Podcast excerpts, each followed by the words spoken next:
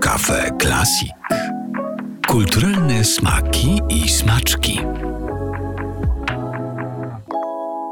Instytut Teatralny imienia Zbigniewa Raszewskiego 24 kwietnia otworzył wystawę Holoubek trzeba mieć pogląd na świat. Wystawa powstała w związku z setną rocznicą urodzin Gustawa Holoubka, jednego z największych polskich aktorów. Kuratorem tej wystawy jest Michał Smolis.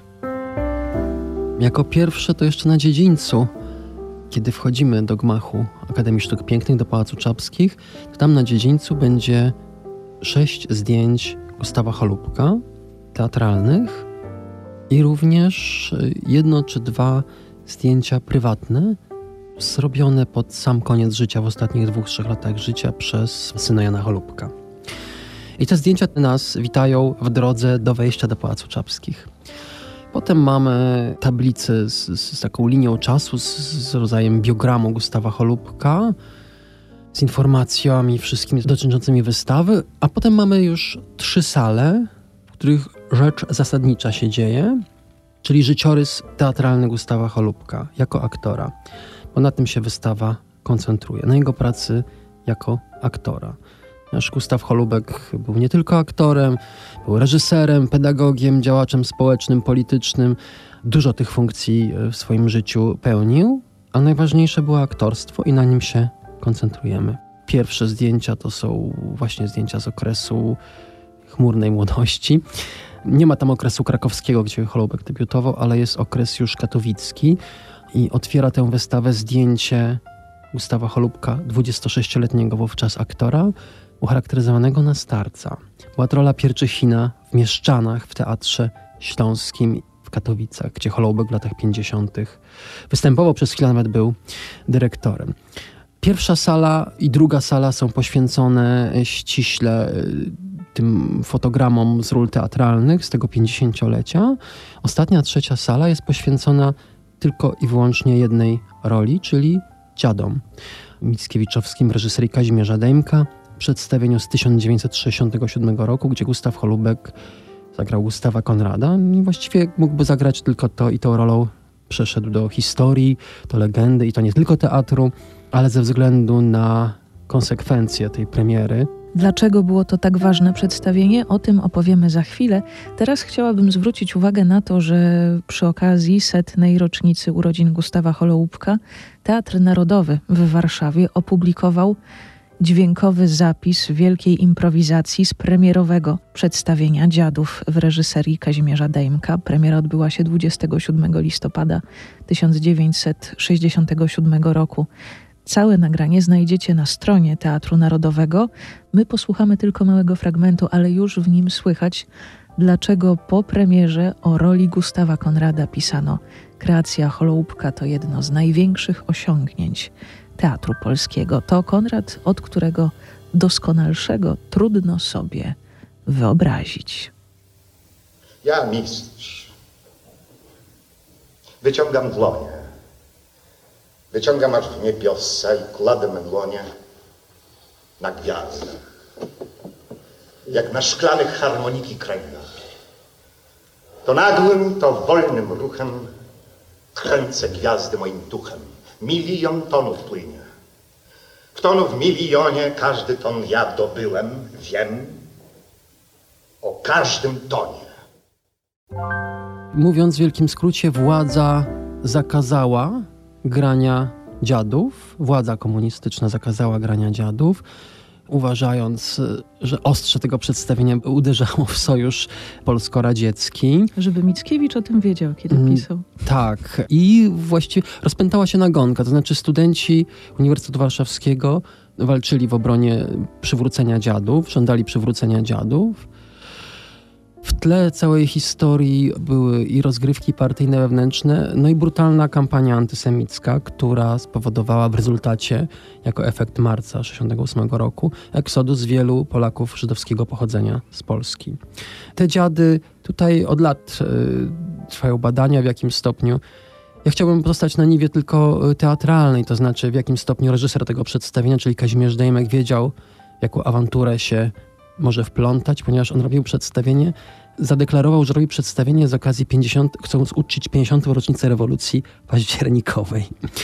I no do dzisiaj y, trwają dyskusje, czy Dejmek y, naprawdę nie wiedział, y, w co się ładuje, na ile atmosfera, na ile też pewne, że tak powiem, konteksty czy klimat wśród partyjnych towarzyszy, że to, to przedstawienie posłużyło jako pretekst po prostu. Niemniej posłużyło, niezależnie od tego, co było tą iskrą zapalną, dziady brały w tym udział i o dziady studenci walczyli. I było naprawdę no, znaczy to było, to było jakąś oso znaczy osobliwością tamtego systemu, delikatnie mówiąc, że wieszcz, Mickiewicz został przez te komunistyczne władze zakazany w pewnym momencie. Nie można było grać dziadów. I jaki udział ma w tym wszystkich Holubek? Ano taki, że mówiąc określone słowa tekstem Mickiewicza, Gustaw Konrad jest przecież buntownikiem. Holubek powiedział wielką improwizację, fenomenalnie. To znaczy nikt tego nie mówił przed nim wcześniej. Nikt nie mówił tego, że to wybrzmiało logicznie. Ten tekst wybrzmiał logicznie i buntowniczo, i poetycko. To była absolutna pełnia. On się okazał zrozumiały dla wielu ludzi, dla których nie był zrozumiały. I to był wielki sukces Gustawa Holubka i myślę, że w ogromnym stopniu emocje, związane z tą rolą, e, z, z, z, z, tym po prostu, co czuła widownia, patrząc na scenę, patrząc na niego. To się wszystko powiązało i, i, i, gdzieś tam spowodowało w pewnym momencie ten wybuch, kiedy tego zabroniono, bo to przedstawienie poszło kilkanaście razy, bodaj dwanaście. De facto ono nie miało takiego dźwięku społecznego, jaki mieć powinno. To znaczy, ono jest w legendzie. Tak naprawdę niewiele osób zobaczyło to przedstawienie. No niemniej jest w tak trwałej legendzie, że Gustaw Holubek y, funkcjonuje przede wszystkim, jak gdzieś googlujemy, jako właśnie Gustaw Konrad. I teraz wracam na wystawę. Na wystawie pokażemy, będzie można usłyszeć w całości wykonanie premierowe wielkiej improwizacji Holubka z Dziadów, czyli z 25 listopada 1967 roku. I cała ta sala trzecia jest poświęcona legendzie tego przedstawienia, tej roli, i cóż mogę dodać? I mogę tu postawić kropkę, ponieważ jest, są tam jeszcze dwie pozostałe sale. To tutaj na tym kończę temat dziadów. Zacząłem opowieść od roli y, Pierczychina, kiedy Holubek był ucharakteryzowany na starego człowieka. I na wystawie chcę pokazać poprzez zdjęcia, poprzez teksty, które ilustrują te zdjęcia, które są głównie wypisami z, z recenzji, z opisów aktorstwa Holubka. I tu muszę powiedzieć, że one były fenomenalne. To znaczy. Od ludzie... samego początku? Prawie od samego początku. Y, fenomenalne nie tyle w kontekście jego aktorstwa, ale w kontekście tego, jak opisywano jego aktorstwo. Ten szczyt potęgi cholubka aktorskiej to jest koniec lat 50., początek lat 60. Wtedy się zaczyna boom na tego aktora po przyjeździe do Warszawy. I tutaj znowu y, wrócę do roli Pierczychina, która była rolą charakterystyczną, była złożoną, to była maska, to była charakteryzacja, to było całkowite upodobnienie się aktora do postaci, którą gra. I Holoubek przez pierwsze lata swojej kariery do przyjazdu do Warszawy właśnie w ten sposób budował siebie. To znaczy upodabniał siebie do postaci, którą gra. Po przyjeździe do Warszawy w 1958 roku zrobił dokładnie odwrotnie. Zaczął upodabniać postać do siebie, a nie siebie do postaci. I to był przełom, ponieważ tak nikt nie grał. To był Trąd w Pałacu Sprawiedliwości, premiera w Teatrze Polskim, warszawski debiut Holubka. Jest słynny opis tego debiutu, profesor Raszewski opisuje, jak to wyglądało. Na scenie peroruje kilka osób, aktorów, znakomitych aktorów, prowadzi jakąś rozmowę i w pewnym momencie wchodzi na scenę niepozorna postać, siada z boku i czyta gazetę. Nikt nie słucha tych perorujących tuzów, wszyscy patrzą na tę postać, która czyta gazetę. I e, jak pisze profesor Raszewski, to było fenomenalne wejście, ostentacyjnie nijakie. I co Holubek takiego zrobił, że przyciągnął wzrok publiczności. No, to jest zagadka oczywiście, to jest zagadka osobowości, ale też y, jak rozmawiałem, pamiętam kiedyś miałem taką rozmowę z Janną Szczepkowską, która powiedziała, żeby wykonać coś takiego, wchodząc na scenę, trzeba bardzo intensywnie żyć życiem wewnętrznym swojej postaci. I to właśnie musiało się stać. Tajemnice osobowości aktorskiej tego fenomenu Holubka opisać nie sposób. Natomiast można zobaczyć, jak to wyglądało na zdjęciach przez opisy pewne, które próbują do czegoś dotknąć. Dlatego takim kluczowym momentem tej wystawy i, i, i tym jest właśnie to przejście. To znaczy, z jednej strony mamy te kilka ról pierwszych, y, tak jak powiedziałem, wstępne wprawki takich ról charakterystycznych i to świadome, dojrzałe aktorstwo, kiedy on y, wymyślił sposób na siebie, wymyślił na to, że on będzie referować rolę przez siebie, przez y, to, co ma do powiedzenia, przez to, co chce powiedzieć światu. I stąd tytuł wystawy. Trzeba mieć pogląd na świat. Bo Holubek w większości swoich ról, nie powiem, że we wszystkich, bo to niemożliwe, ale właśnie tego szukał, żeby powiedzieć coś o świecie przez dany tekst, żeby mieć powód do wyjścia na scenę.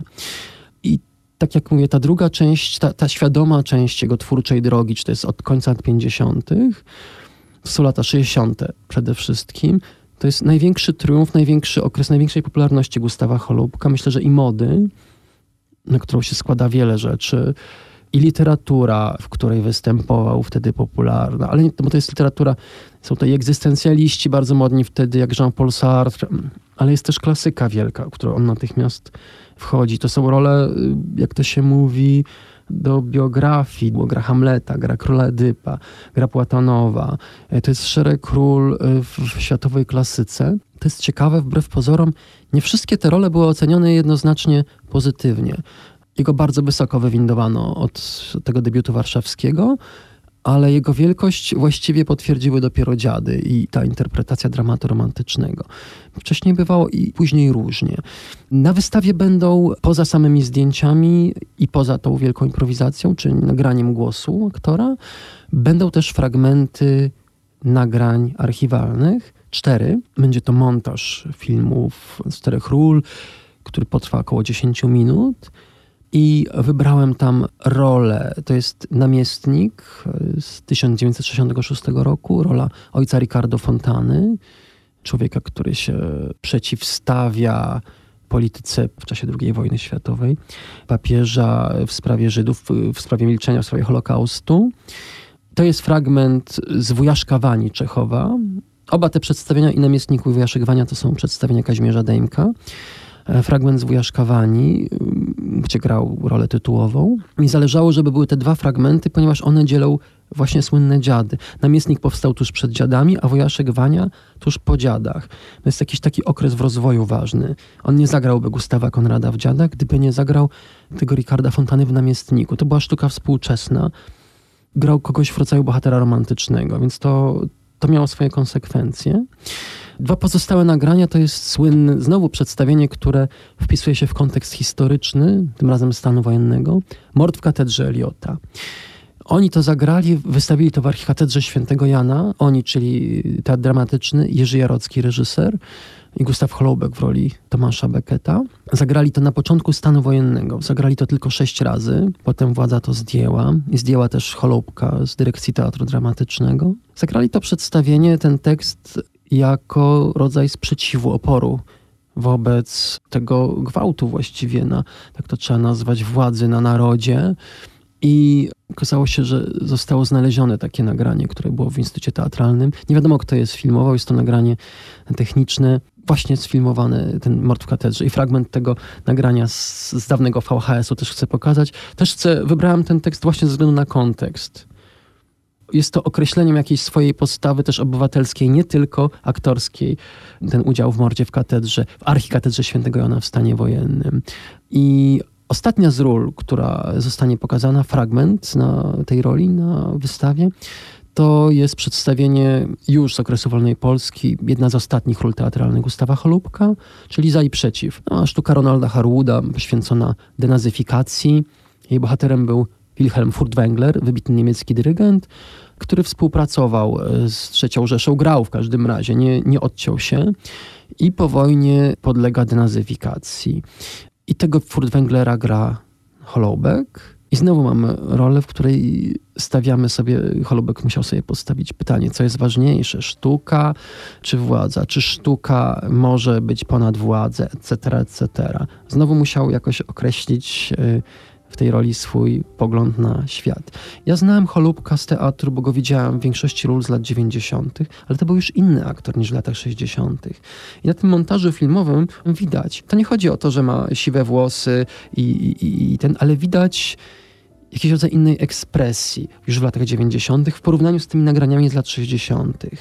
Ja bardzo bym się chciał przenieść w czasie, żeby go na żywo przez chwilę zobaczyć w latach 60., bo on wtedy był na absolutnym szczycie to jest normalne, swoich możliwości i myślę, że to był ten moment, kiedy miał absolutne porozumienie z widownią, bo z tych dwóch rzeczy nie ma, nie byłoby tego szczytu. To znaczy, to jest zawsze, zawsze jest ten feedback, ta energia zwrotna, która idzie z widowni i te króciutkie fragmenty, które się zachowały z ról teatralnych, na mnie uderzało, jest Holubek, są inni aktorzy, prowadzą jakiś dialog i znowu, tak jak opowiadałem o tym wejściu Holubka trądzie w Pałacu Sprawiedliwości, ja przede wszystkim patrzę na niego. Tam są bardzo dobrzy aktorzy, którzy coś tam prowadzą dialog i tak dalej, ale Holubek, nawet w tych migawkach, to jest kwestia wzroku, tego jak on patrzy, ma po prostu niesłychany magnetyzm w sobie. Jestem w stanie to ocenić patrząc na wadliwe nagrania archiwalne. Czyli jak to musiało tak, działać tak. tam I to, jest, I to jest dla mnie, to jest wielka zagadka i to jest to, no, tak jak teraz mówię, po prostu mam ten wzrok, czy z namiestnika, czy, czy, czy z wujaszkawani, to jest niesamowity wzrok. Zresztą pisano o wzroku Holubka też w tych tekstach, o niesłychanym magnetyzmie tego spojrzenia. Maria Czanerle w recenzji z Króla Edypa mówi, dlaczego ta rola zanim Marie Chanelle okazała się klęską Holubka. Na że Edyp jest ślepy przez połowę przedstawienia, więc nie ma, nie ma, nie ma, tej, nie ma wzroku, nie ma, napisze, że stał się taką jakąś y, kukiełką bez wyłupanymi oczami. Coś takiego się stało. To są bardzo ciekawe spostrzeżenia. Tego fenomenu nie da się opisać, można mu się przyglądać, ale nie da się go i nie da się też zrozumieć tego, jak on działa naprawdę na publiczność. I niech to zostanie wielką tajemnicą, wielką zagadką. Inaczej być nie może, ale no mogę powiedzieć, że mam wielką frajdę z tego, że mogłem się z tym, z tym zanurzyć i, i przyjrzeć temu i, i mówię, czas, jeżeli żałuję, że nie ma tego wehikułu, e, tej kapsuły, w której można by się przenieść w czasie, to gdyby było, to, to, byłoby, to byłoby super, to było fantastycznie. To jest chyba najtrudniejszy rodzaj wystawy do przygotowania, bo ona dotyczy tak wielu ulotnych wrażeń i tak wielu momentów, których nie jesteśmy w stanie zrekonstruować i możemy sobie to tylko wyobrazić. Przede wszystkim trzeba zacząć od tego, że, taka, że ta wystawa w założeniu jest klęską. Jest klęską, ponieważ yy, nie można... Założenie. Nie można oddać, yy, od, nie można oddać tego oddziaływania. Nie, nie, kto nie widział chlubka na scenie, nie będzie wiedział o co chodzi. Ta wystawa może służyć tylko upamiętnieniu, przypomnieniu, że ktoś taki był, pokazaniu tych jakichś e, fragmentów puzli. Są przecież role filmowe. Chlubek był takim emblematycznym aktorem Wojciecha Jerzego Hasa. I też tam widać to, to ten magnetyzm Holubka. Mm, wypada żałować, że on w filmie tylko z Hasem się spotkał tak naprawdę i stworzyli coś ważnego, że poza tym nie miał szczęścia do filmu. A też jest ciekawe, bo takie osoby, osobowości mocno teatralne często w filmie w ogóle przepadają. Nie, to, co, to film wymaga innych środków i one się nie odnajdują. Holubek ze swoją, z tym swoim stylem aktorskim bez problemu się odnajdował w filmach Hasa. Był tam też wielki.